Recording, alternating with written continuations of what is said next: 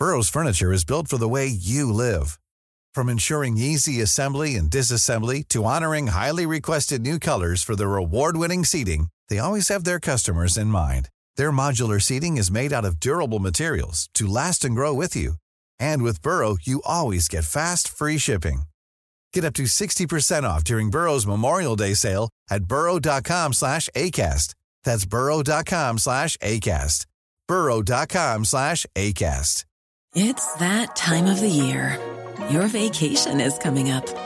You can already hear the beach waves, feel the warm breeze, relax, and think about work. You really, really want it all to work out while you're away.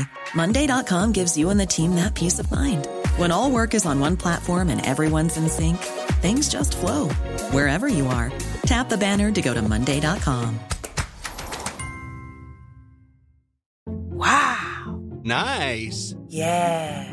What you're hearing are the sounds of people everywhere putting on Bombas socks, underwear, and t-shirts made from absurdly soft materials that feel like plush clouds. Yeah, that plush.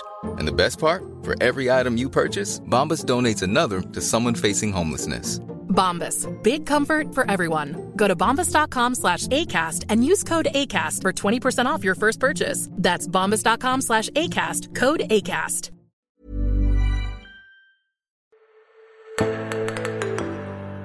Denne ukens episode av Tore og Tarjei spilles inn et helt annet sted enn i redaksjonslokalene våre i eh, Bergen. Vi sitter i Kongeparken, og det er nyhetsredaktør Astrid Dalehaug Norheim som er her sammen med meg, Tarjei Gilje. Og vi har med oss stortingsrepresentant Mathilde Tybring-Gjedde fra Høyre. Først, Mathilde, har du vært her i Kongeparken før? Nei, jeg har faktisk ikke det, men nå har jeg lyst til å komme tilbake igjen. Så ut som det var gøy rundt omkring her. Vi spøker litt med at dette her er jo, er jo stedet for det store russetreffet på Vestlandet. Så jeg var her for noen år siden, kan du si. I den, i den. Ikke så mange, vil jeg si. Men det, var jo, det skaper jo litt stemning å gå innover her med alle de forventningsfulle ungene som skal inn i parken med å kjøre karusell og sånn. Absolutt, det var det jeg la merke til. Så jeg får komme tilbake her hvis jeg får barn en dag. Så det er fint feriested. Virkelig. Sjanse. Hvilket forhold har du til Vi er her på UL Unge Landsmøte, som er sommerstevnet til Innovasjonsforbundet og Misjonssambandet. Hvilket forhold har du til disse sommerstevnene som finnes rundt omkring i Kristen-Norge? Jeg skal jo være så ærlig og si at jeg har ikke så stort forhold til det. Jeg tenker at Det er kanskje en fin kontrast til mange som ellers er med på den podkasten. Jeg har ikke blitt invitert før heller, så jeg setter veldig pris på å bli invitert. Um, personlig så har jeg på en måte min altså Jeg er jo kristen og uh, har en tro, men jeg, jeg har jo ikke praktisert den aktiv som en del av en, på en, måte en ungdomsorganisasjon eller noe mer enn konfirmasjonsleir. Mm. Så for meg så er dette veldig, veldig fint å være med på. Mm, flott. Mens vi sitter her vi altså sitter oppe på et rom øverst i Amfi i Kongeparken. Det er bibeltime snart. bibeltimeholderen er jo kanskje kjent som noe annet? Ja, som bistandsminister f.eks. Utviklingsminister. ja. Eh, masse unge folk som er engasjert og bruker sommerferien sin som vi møter rundt i gangene her. Eh, og snart så skal vi ha, ha politisk debatt, og det er jo derfor Mathilde kom mm. hit, da. Mm. Eh, det jeg lurer på, eh, nysgjerrig på, Mathilde. Du eh, har altså ei mor fra Nordfjord. Jeg har jo merka meg at du har Nordfjord-bunad. Det er veldig pluss å ha Sogn og Fjordane til ja, ja, ja, Da må jeg si, ja. Eh, en far som er profilert Frp-politiker, eh, Tybring-Gjedde, og så havner du sjøl opp i Høyre. Men du begynte jo din eh, vandring i Rødt. Fortell, hvordan skjer ei sånn vandring? Jeg tror nok jeg begynte på videregående skole og opplevde at det var en veldig politisk engasjert skole. Eh, Oslo katedralskole. Eh, men også en veldig radikal skole på mange måter. Og jeg ønsket jo å kunne sette ord på det jeg opplevde som var min rettferdighetssans i en del spørsmål, mm. men jeg visste ikke hvor jeg skulle bli plassert. Mm. Og da gikk jeg på en sånn vandringsferde da, med venner i ulike ungdomspartier og på møter.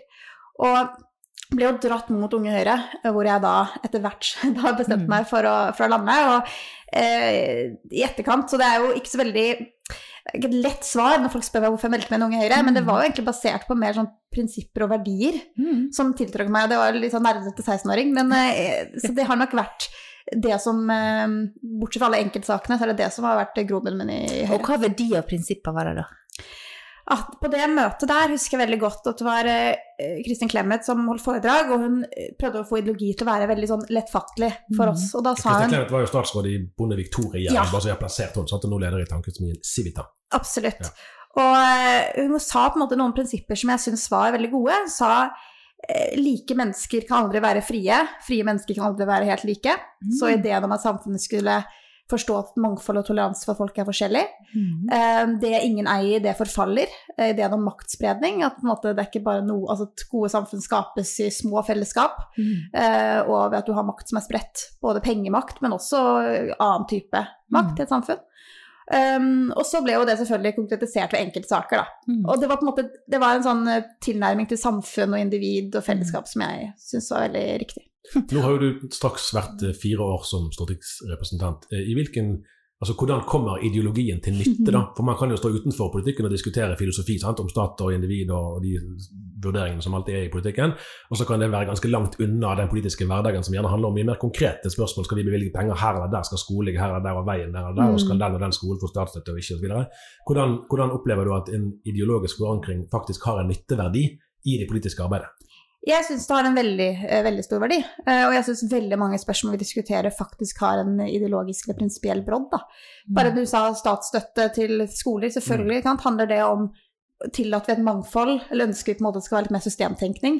Eh, hvis noen velger friskoler, så går det utover offentlig skolen, er argumentet, ikke sant? Men ok, men er skolen til for fylkeskommunen og kommunen, eller er det til for elevene og foreldre? Um, og det samme på en måte, Vi har hatt ganske store prinsipielle debatter de siste årene som jeg har fått vært en del av. Gen- og bioteknologi, f.eks., som jeg syns var en veldig interessant debatt. Eh, Dessverre syns jeg retorikken bare skal gå på litt lavmål, men eh, det, er, eh, det er ideologi i mye. Mm, mm. Men opplever du at det er med Har du den veldig langt framme når de enkeltsakene blir diskutert? Det kommer selvfølgelig an på, på hva. Altså, man har jo prioriteringsdebatter som er alle for flere helsesykepleiere, men uh, hvor mye penger skal vi prioritere, ikke sant. Og det er jo ikke så mye nødvendigvis prinsipielt i det. Um, men i en del andre spørsmål, og jeg har jobbet mye med utdanningspolitikk, så syns jeg det. Uh, Tilpasse opplæring, hva slags muligheter skal man gi til de elevene som trenger større utfordringer, f.eks. Um, altså, der opplever jeg at det er en litt, eh, litt brodd. Uh, Men er ikke alle enige om at de skal få eh, støtte? jo, men så er jo, ikke sant, skal man da ha f.eks.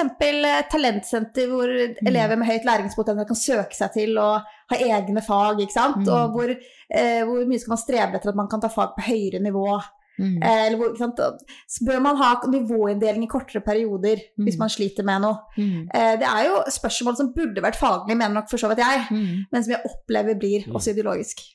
Hvor syns du at eh, eh, ideologi blir debattert på de mest spennende måtene i dag? jeg, jeg syns jo uh, ideologiske spørsmål i all hovedsak kommer tydelig frem i debatter om på en måte Det har jo vært gen- og bioteknologi som først og fremst har fått frem eh, mer ideologiske skillelinjer. Eh, jeg syns også i diskusjonen om privat, offentlig, private barnehager, friskoler Bør man kunne som pasient velge et privat tilbud som Mm. staten betaler for? Mm. selv om det er, altså, så du slipper å betale for det selv, eller kan det ikke være mulig? Det er jo sånne type debatter jeg opplever hvor samfunnssyn også kommer frem. Da. Mm. Mm. For her, her er jo en, en side ved denne saken er jo også hvilken plass religion kan ha, eller, kan, eller bør, eller ikke bør ha som premissleverandør. Sant? For der er det jo flere, partier vil jo egentlig vise til en eller annen form for religiøs tilknytning som utgangspunkt for sin ideologi, og så blir man jo fort sånn redd for prestestyret i Iran og sånne ting. Hvis man oi, hvis vi lar religion komme inn i politikken, så er det det vi får. Eh, hvordan, hvordan reflekterer du rundt det at eh, For i flere av de sakene vi snakker om nå, så vil jo noen argumentere religiøst. At vi mener at menneskelivet for det kan, altså Abortsaken er jo den tydeligste, sant? man bruker et sånt argument om menneskelivets uh, sin verdi. Eh, Men det kan jo være flere andre spørsmål. Hvordan, hvordan tenker du at religion kan komme til nytte som politisk ressurs? Eh, i, I debattform så opplever jeg ikke at religiøse argumenter har særlig klangbunn hvis man ønsker å overbevise mennesker. Mm. Eh, det er, og det er igjen det skillet mellom, mellom troen og det å kunne argumentere på en måte prinsipielt. Eh, mens verdier, som på en måte da man kan si er forstått kristne verdier i Mm. Norge, men som jeg også opplever har klangbunn i mange andre Mm. miljøer, det har, har stor betydning. I debatt om aktiv dødshjelp f.eks., som jeg har vært, vært veldig engasjert i, der er jo en av de jeg har debattert med og vært enig med, har jo vært eh, en overlege som heter Morten Horn, og han er jo Human-Etisk Forbund, ikke sant. Så det er, jo, det er, jo, humanistiske verdier, men samtidig så går det på menneskeverd. Eh, forståelsen av at valg vi tar som enkeltmennesker, gjenspeiles også av folk, hvordan folk ser på oss, mm. eh, og, vi, og, hva vi opplever er signaler fra samfunnet. Mm. Eh, at vi ikke er individer som tar valg helt i et vakuum. Mm. Sånne, mm. sånn, sånn, type forståelse, og det kan man ha, komme fra en kristen bakgrunn og mene, og se som kristne verdier. Uh, mens jeg vil også kunne mene at det er prinsipielle verdier som er i mm. andre typer ideologiretninger, da. Mm. mm.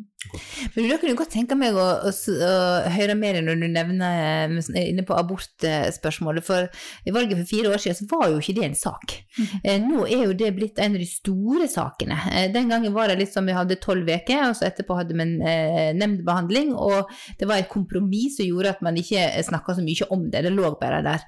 Hvordan har du opplevd den, den voldsomme abortdebatten som har oppstått der en del av partiet, og nå går til uke, opp mot uke 22. Jeg tror noen mener jo at den debatten ville man ikke hatt hvis det ikke var for at vi eh, begynte å diskutere fosterreduksjon mm. og en 2C. Jeg tror ikke det. Eh, jeg opplever at dette har vært strømninger i ungdomspartiene og mm. i baklandene ganske lenge, mm. hvor man har begynt å stille spørsmålstegn med det som tidligere var på en måte kompromisser da, mm. i gen- og bioteknologi i det mm. store, men også i abortspørsmålet. Um, sånn at eh, jeg tror altså, det har vært en skifte i en del partier. altså uh, Kristin Halvorsen, som var leder av SV, hun var jo en mer vil jeg si, en konservativ innfallsvinkel til en del mm. spørsmål. Uh, med hennes fløy i SV ser jeg ikke lenger. Um, og så har du hatt en utviklingstrekk da i en del andre partier, inkludert mm. også for så vidt mitt eget, uh, hvor man er mer liberal en del spørsmål. Mm. og da har nok det kommet Det ville nok kommet på spissen uansett. Ja.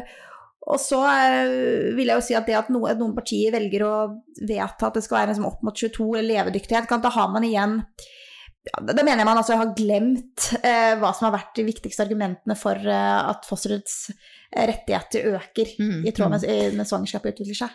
Du sa noe interessant, for du sa at denne ville kommet uansett. Mange mener jo at den kom pga. Eh, KrF sitt veivalg. Eh, men jeg eh, tenker du at det var tilfeldig at det var den som utløste den, at du ville fått denne voldsomme abortdebatten om det hadde skjedd eller ikke? Jeg mener nok at uh, dette var en debatt som lå uh, en måte under overflaten i mm. ungdomspartiene mm. og i partiene lenge og før. Kvinnepartiet i Høyre, tror jeg, eller kvinneorganisasjonen i Høyre. Jeg husker jeg var på vei til landsmøtet i Høyre når 2C skulle opp, og det var en av veldig mange saker. Uh, og jeg var ikke klar over egentlig sprengkraften i det, men allerede når jeg kom på flyplassen og møtte kvinnepolitikerne i Høyre, så var det det de var opptatt av framfor alt. Det var en voldsom ja. spreng, og det var jo lenge før KrFs veivalg. Ja, og abortloven 2C var jo Vi hadde jo en stor debatt vel 2013-2012? Altså, ja, der omkring. Ja. ja. En, en, stund tilbake. Og, men, men uh, dette har jo vært debatter som var oppjevnlige. Altså på, på 90-tallet så var det jo mm. egentlig en enighet mellom SV, Høyre og KrF i en del mhm. spørsmål knytta til uh, abortloven 2C, eller i hvert fall mm. refleksjoner rundt det. Mm. Uh, så det har, dette har jeg tror, jeg tror, det er veldig simplistisk å si at dette skyldes at, at man gjorde endringer i fosterreduksjon. Mm, mm. Eh, det, det, mener jeg oppriktig ikke man kan hevde. Mm, mm. eh, man må stå ansvarlig for den utviklingen som er i sitt parti, og den debatten man får internt. Mm. Interessant. Nå snakker vi om egentlig noe vi ikke hadde tenkt å snakke om. så det er jo eh, god prat. Nei, men det der er jo interessant, for da, da, ligger du, hvis jeg forstår det rett bak der, at dette er òg politikk. Mm. Altså at venstresiden har her sett en sjanse til å bygge opp en front. Eh, ikke at den ikke fantes fra før, men, men at man får, har fått ekstra ammunisjon. Ja, altså, det som jeg mener som er et problem med politikken generelt, er at eh, når ledere av partier tilfaller seg etter litt sånn simplistisk enkel retorikk, mm. så gir man ikke på en måte opplæring til sitt eget partilandskap om mm. de etiske mm. dilemmaene. Mm. Sånn at Det er jo baklandet i Arbeiderpartiet som nå tok over. Dette var ikke noe mm. Jonas Gahr Støre ønsket for eksempel, på deres landsmøte. Det samme i SV, egentlig. Det var ikke noe det ønsket debatt for Audun Lysbakken, dette. Men de får debatten fordi deres egne har jo ikke hørt etiske refleksjoner internt mer enn egentlig den veldig simplistiske retorikken som ble brukt i. den nasjonale debatten. Men kan du si det samme om Høyre? For at Erna og Høie er jo mye mer konservative enn det trøkket som har vært i Høyre på mm. 2C. Mm. Og det der, eh, altså, Nå skal jeg ikke snakke mot meg selv, men det er klart, der har jo partiledelsen, mener jeg, prøvd i hvert fall å vise hva som har vært etiske. Vi, hadde jo en, et, et, et, vi utsatte jo f.eks. voteringen om eggdonasjon et år, fordi vi skulle ha bedre prosess internt. Mm. Og jeg mener at det er gode debatter om det. Eh, Og det, jeg opplever ikke at det noen i Høyre, eller det kan være noen, men jeg opplever ikke at det er en sånn svart-hvitt tilnærming til spørsmål om eggdonasjon. Mm. Eller assistert befruktning for enslige. Mm. eh, Eller fosterreduksjon. Mm. Når jeg ser de verdivalgene som vil møte dere framover, så er jeg helt overbevist om at vi trenger et sterkt KrF. For det er jo bare KrF som virkelig tar kampen for familiene sin valgfrihet. De kristne røttene som landet bygger på, og som vil hindre venstresidas radikale abortliberaliseringer. Så etter høstens stortingsvalg så trenger vi et KrF som er stort nok til å kunne ta de kampene. Egentlig er vi jo litt inne på noe av det, en ting som jeg har tenkt å komme til senere, men som jeg tror vi bare tar nå. og det, I, I et intervju med Utdanningsnytt, jeg tror det var fra 2019, så sa du noe om, om debattklima og, og det, om det å bli tatt i verste mening. Du, jeg tror du snakket om at du hadde behov for å utvikle hardere hud Ja. etter hvert. Og der er det jo sånn i politikken, som det er i alle, altså man er elektriker eller rørlegger eller lærer, så har man en fagterminologi og en sjargong og sånn, og i politikken handler jo det òg om å fremme seg sjøl og å svekke andre. Altså der, den, Noe av den dynamikken vil vel alltid finnes så lenge det er, er, er konkurransedemokrati. Eh, men det en, dette handler jo om mer enn et fag. Sant? Det handler om samfunnsutvikling, hvordan vi snakker om hverandre, hvordan vi forstår hverandre, hvordan vi lytter til hverandre. Og jeg tror du trakk frem ikke minst Twitter, Mm. som er sånn et, en arena der eh, du kan få ganske kraftig motbør da, hvis man fremmer Mm. en mening. Eh, og der, det har jo den siden ved seg, annet. Jeg, sjekket nå i morges at eh, det er 35% i Norge som tar høyere utdanning. Mm. Eh, det er kanskje en lavere prosentandel enn vi tror, hvis vi Mm, bare leser mm. aviser. Eh, Men jeg vil tippe at blant de som er aktive på Twitter, så jeg tipper andelen med høyere utdanning er høyere. Men det er likevel det er der man, dersom man kunne håpe da, og tro at kunnskapsnivået skulle være høyere Mm. osv., at der er slett ikke sånn at, man, at eh, folk med utdanning er mer høflige og respektfulle eh, eller mer tolerante enn andre. Eh, Hva slags utfordringer ser du der eh, for å delta i politisk debatt og for å ha Mm. rom for ulike altså, Mm. det- Når det bryter på dypt vann, da. En ting er å være uenig om overfladiske spørsmål, det er jo lett. Men når man er uenig om ting som betyr veldig mye, Jeg tror dette er altså Twitter mener jeg er sånn det ytterste utslaget av hva som er sosiale mediekulturen og debattkulturen. Um, som er på en måte at man lett uh, forveksler hvor mange likes du får med at du har bidratt godt i samfunnsdebatten. Mm. Med noe som er interessant for folk. ikke sant? Eh, og så blir det hauset opp. Altså da, for hvis du, hvis du tror det, da er det om å gjøre å ikke skrive langt og ikke skrive nyanser og på en måte øh, være ganske hardt slag da, mot, øh, mot, mot politiske motstandere. Um, mens den, den debatten som jeg nå føler har utviklet seg, er jo den hvor man tar eh, person og ikke argumentene. Mm. eh, hvor man plasserer folk i kategorier det er vanskelig å komme ut ifra. Mm. Altså Uansett hva du sier, så blir det tolket i et visst narrativ. Mm. Eh, og det var også ikke liksom lov til å gjøre en feil. Mm. Eh, og jeg syns den siste der, så er liksom, sånn, merker jeg veldig på kroppen. Jeg, kan til og med si sånn Beklager, her gjorde jeg en feil. Mm. Og så likevel så harseleres det med? Mm. veldig lang tid etterpå. Altså, det er ikke, til og med der så kan man ikke akseptere det engang. Mm. Og da mener jeg vi har gått over en grense for hvor, hvor mange som tør å ytre, ytre seg, da. et sidemoment. Hvis forresten noen hører musikk i bakgrunnen, så er det fordi at vi er like ved amfi der møtene foregår. bare sånn at Det er sagt, det kan være bra som lydkulisser. Eh, men det har vært litt snakk om, det høres jo veldig teoretisk ut, om akademisk ytringsfrihet Mm. nå i sommer. Eh, sant? og Det handler jo om at, at det er en del forskere som opplever at de kanskje det er særlig innenfor det var kjønn og religion, det var et par innvandring òg i tre-fire kategorier, der forskere opplever at de rett og slett ikke tør å Mm. fortelle offentlig om hva de har funnet frem til, fordi reaksjonene er så sterke. Eh, og Dagens Næringsliv skrev på lederplass i forrige uke om, om behovet for eh, Mm. å sikre at den akademiske ytringsfriheten blir ivaretatt. Men så er jo én ting, og det er at Anine Kierulf skal lede et utvalg som skal utrede osv. Én ting er jo de formelle. Eh, At du, du mister ikke jobben eh, på universitetet hvis du fremmer kontroversiell forskning, men de uformelle reaksjonene Mm. kan ofte være et vel så stort problem. Og Det er jo litt det vi snakker om her. Mm. sant? Twitter-feltet er ingen som forbyr deg å mene noe, men hvis motbøren blir så sterk at belastningen blir uforholdsmessig, så velger flere å være stille. Og hvis forskere òg opplever seg kneblet enten av andre forskere Mm. eller av allmennheten, eh, så risikerer jo samfunnet å gå glipp av verdifull, kvalifisert eh, kunnskap. Her kan man jo fundere i det uendelige. Hva, hva har ført oss hit? Hvorfor snakker vi om dette, egentlig? Ja, det, altså dette er jo, vil jeg mene, det kan sies som et utslag av en del trender du ser i andre land nå, selv om vi har en egen norsk offentlighet som er annerledes enn f.eks. USA. Eh, men det er jo en del eh, tendenser du ser generelt. Altså vi har blitt et eh, Hvis du ser på holdning til folk, ja, vi er i utgangspunktet blitt mye mer liberale i en del verdispørsmål, mye mer åpne. Eh, men så er spørsmålet hvordan måler man toleranse, da? Eh, og da kanskje toleranse for de som ikke er der, eller på en måte har andre mindretallsmeninger. Eh, der tror jeg nok vi dessverre i offentligheten kan risikere at det snevrer inn. Mm. Vi tror vi er veldig åpne og liberale og tolerante, Mm. eh, mens vi egentlig er det for de som nå mener det majoriteten nå mener. Og det har endret seg veldig raskt på 20-30 år, hva Mm. majoriteten Norge mener om en del spørsmål. Mm. Og hva saker ser du det i? Altså, du ser det selvfølgelig i debatter eh, altså, Nå har vi hatt Pride-uken for noen måneder siden, det er klart et, et eksempel. Um, Er, er det mulig å være imot eh, pride i Høyre? det er et godt, godt spørsmål. Eh, det er selvfølgelig mulig. Eh, jeg tror det er vanskelig å være i Høyre og være mot um, at man skal ha like rettigheter og for, altså, like respektfull ekteskap og sånn, Likekjønnet ja. ekteskap tror også er ganske vanskelig nå Mm. å være prinsipielt motstander av. Mm. Men selvfølgelig fri og måte, debattene rundt der. Mm. eh, Der kan man selvfølgelig fremdeles ha en diskusjon. Mm. Eh, Men eh, det er en bevegelse ikke sant, i Mm. samfunnet, og jeg forstår også for de som ikke mener det. Mm. Eh, hvis de opplever at, at da blir ytringsrommet så snevra inn at de får stempel på seg hvis de Mm. ytrer seg, da er det utfordrende. Ja, for nå er vi inne på det som vi også skal komme tilbake til når vi går inn i amfi etterpå og debatterer. Eh, og dette har altså alle partier fått vite om skal være tema, så du får ikke vite noe som vi andre eh, ikke vet. Eh, men det er jo at eh, mange unge kristne opplever det vanskelig å være kristen i det norske samfunnet i dag. Eh, halvparten i eh, vår kartlegging i dagen av aktive, kirkeaktive kristne, halvparten de i alderen 18 til 30 sier at de syns det er vanskelig å være kristen. Eh, hva tenker du når du hører det? Så det er jo to ting, da. Det ene er det er vanskelig å, når man er den alderen der, å være noe eh, majoriteten ikke er. Mm. I hvert fall sant, uansett hva det ville vært, nesten. Det er det ene.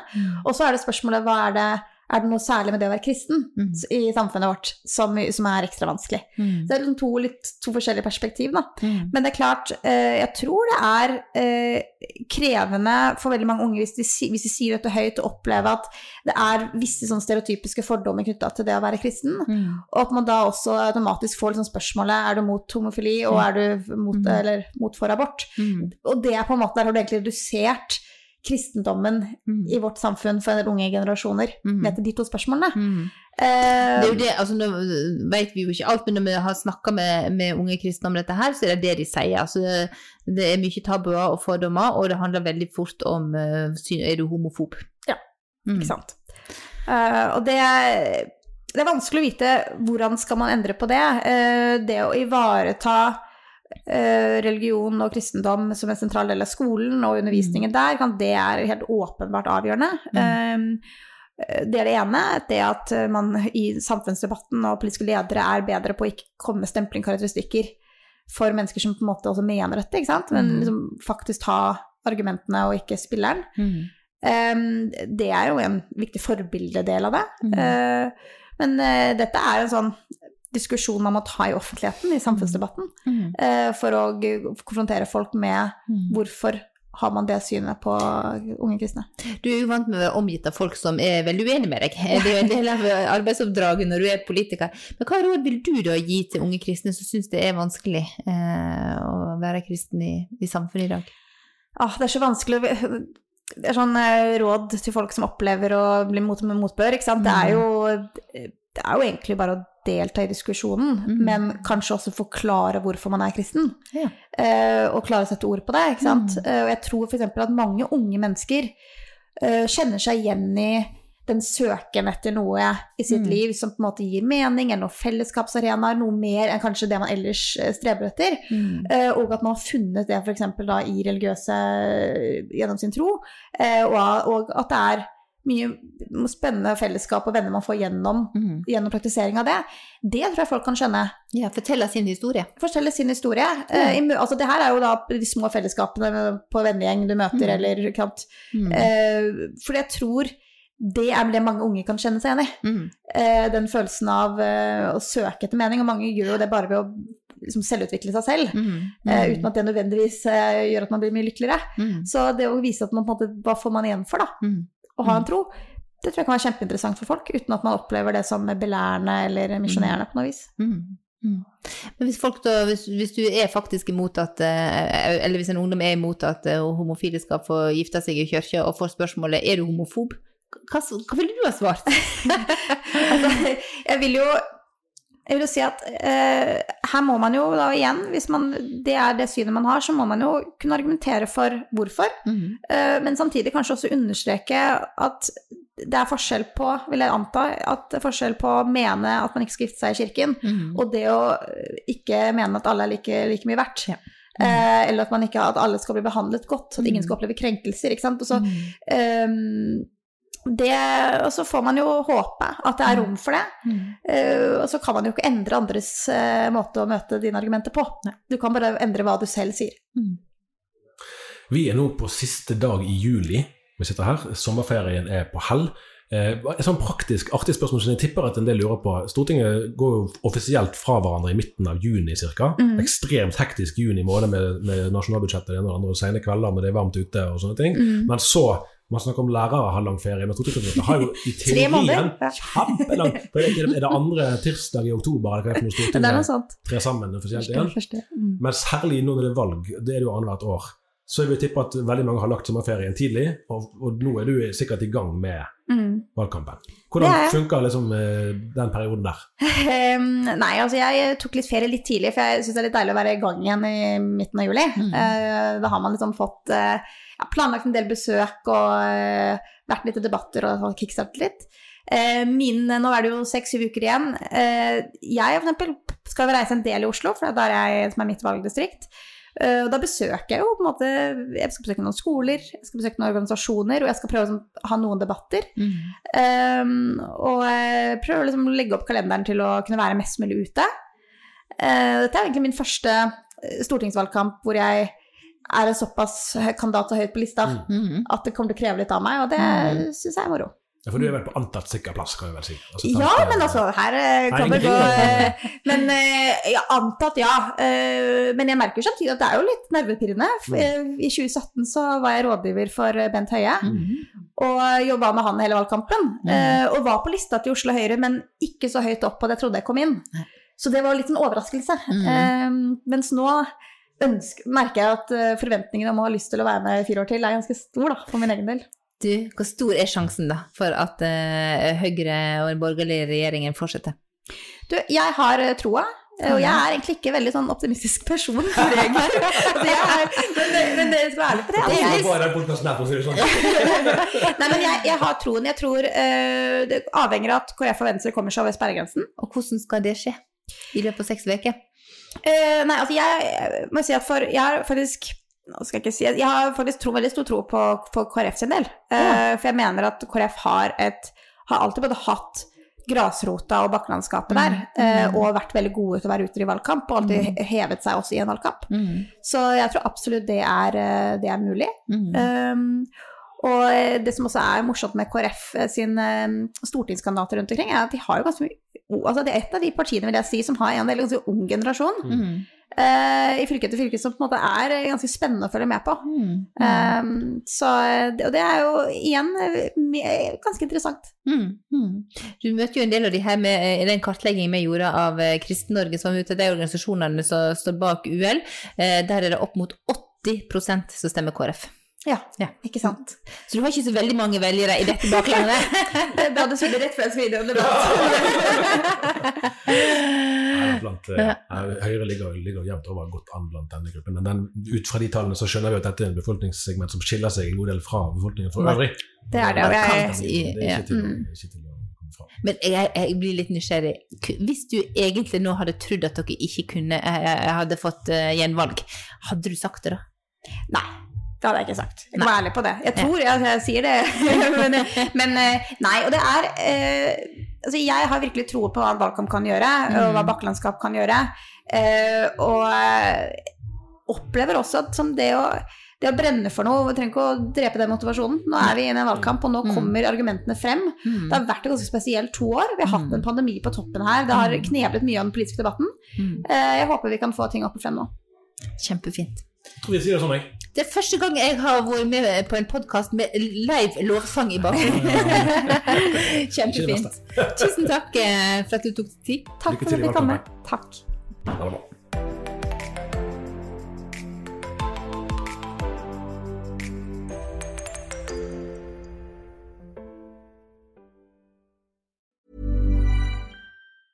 Normally, being a little extra can be a bit much, but when it comes to healthcare, it pays to be extra. And United Healthcare makes it easy with Health Protector Guard fixed indemnity insurance plans. Underwritten by Golden Rule Insurance Company, they supplement your primary plan, helping you manage out of pocket costs without the usual requirements and restrictions like deductibles and enrollment periods. So when it comes to covering your medical bills, you can feel good about being a little extra. Visit uh1.com to find the Health Protector Guard plan for you.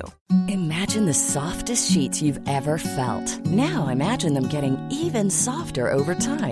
That's what you'll feel with Bowl and Branch's organic cotton sheets. In a recent customer survey, 96% replied that Bowl and Branch sheets get softer with every wash. Start getting your best night's sleep in these sheets that get softer and softer for years to come. Try their sheets with a 30-night guarantee. Plus, get 15% off your first order at bowlandbranch.com. Code BUTTERY. Exclusions apply. See site for details.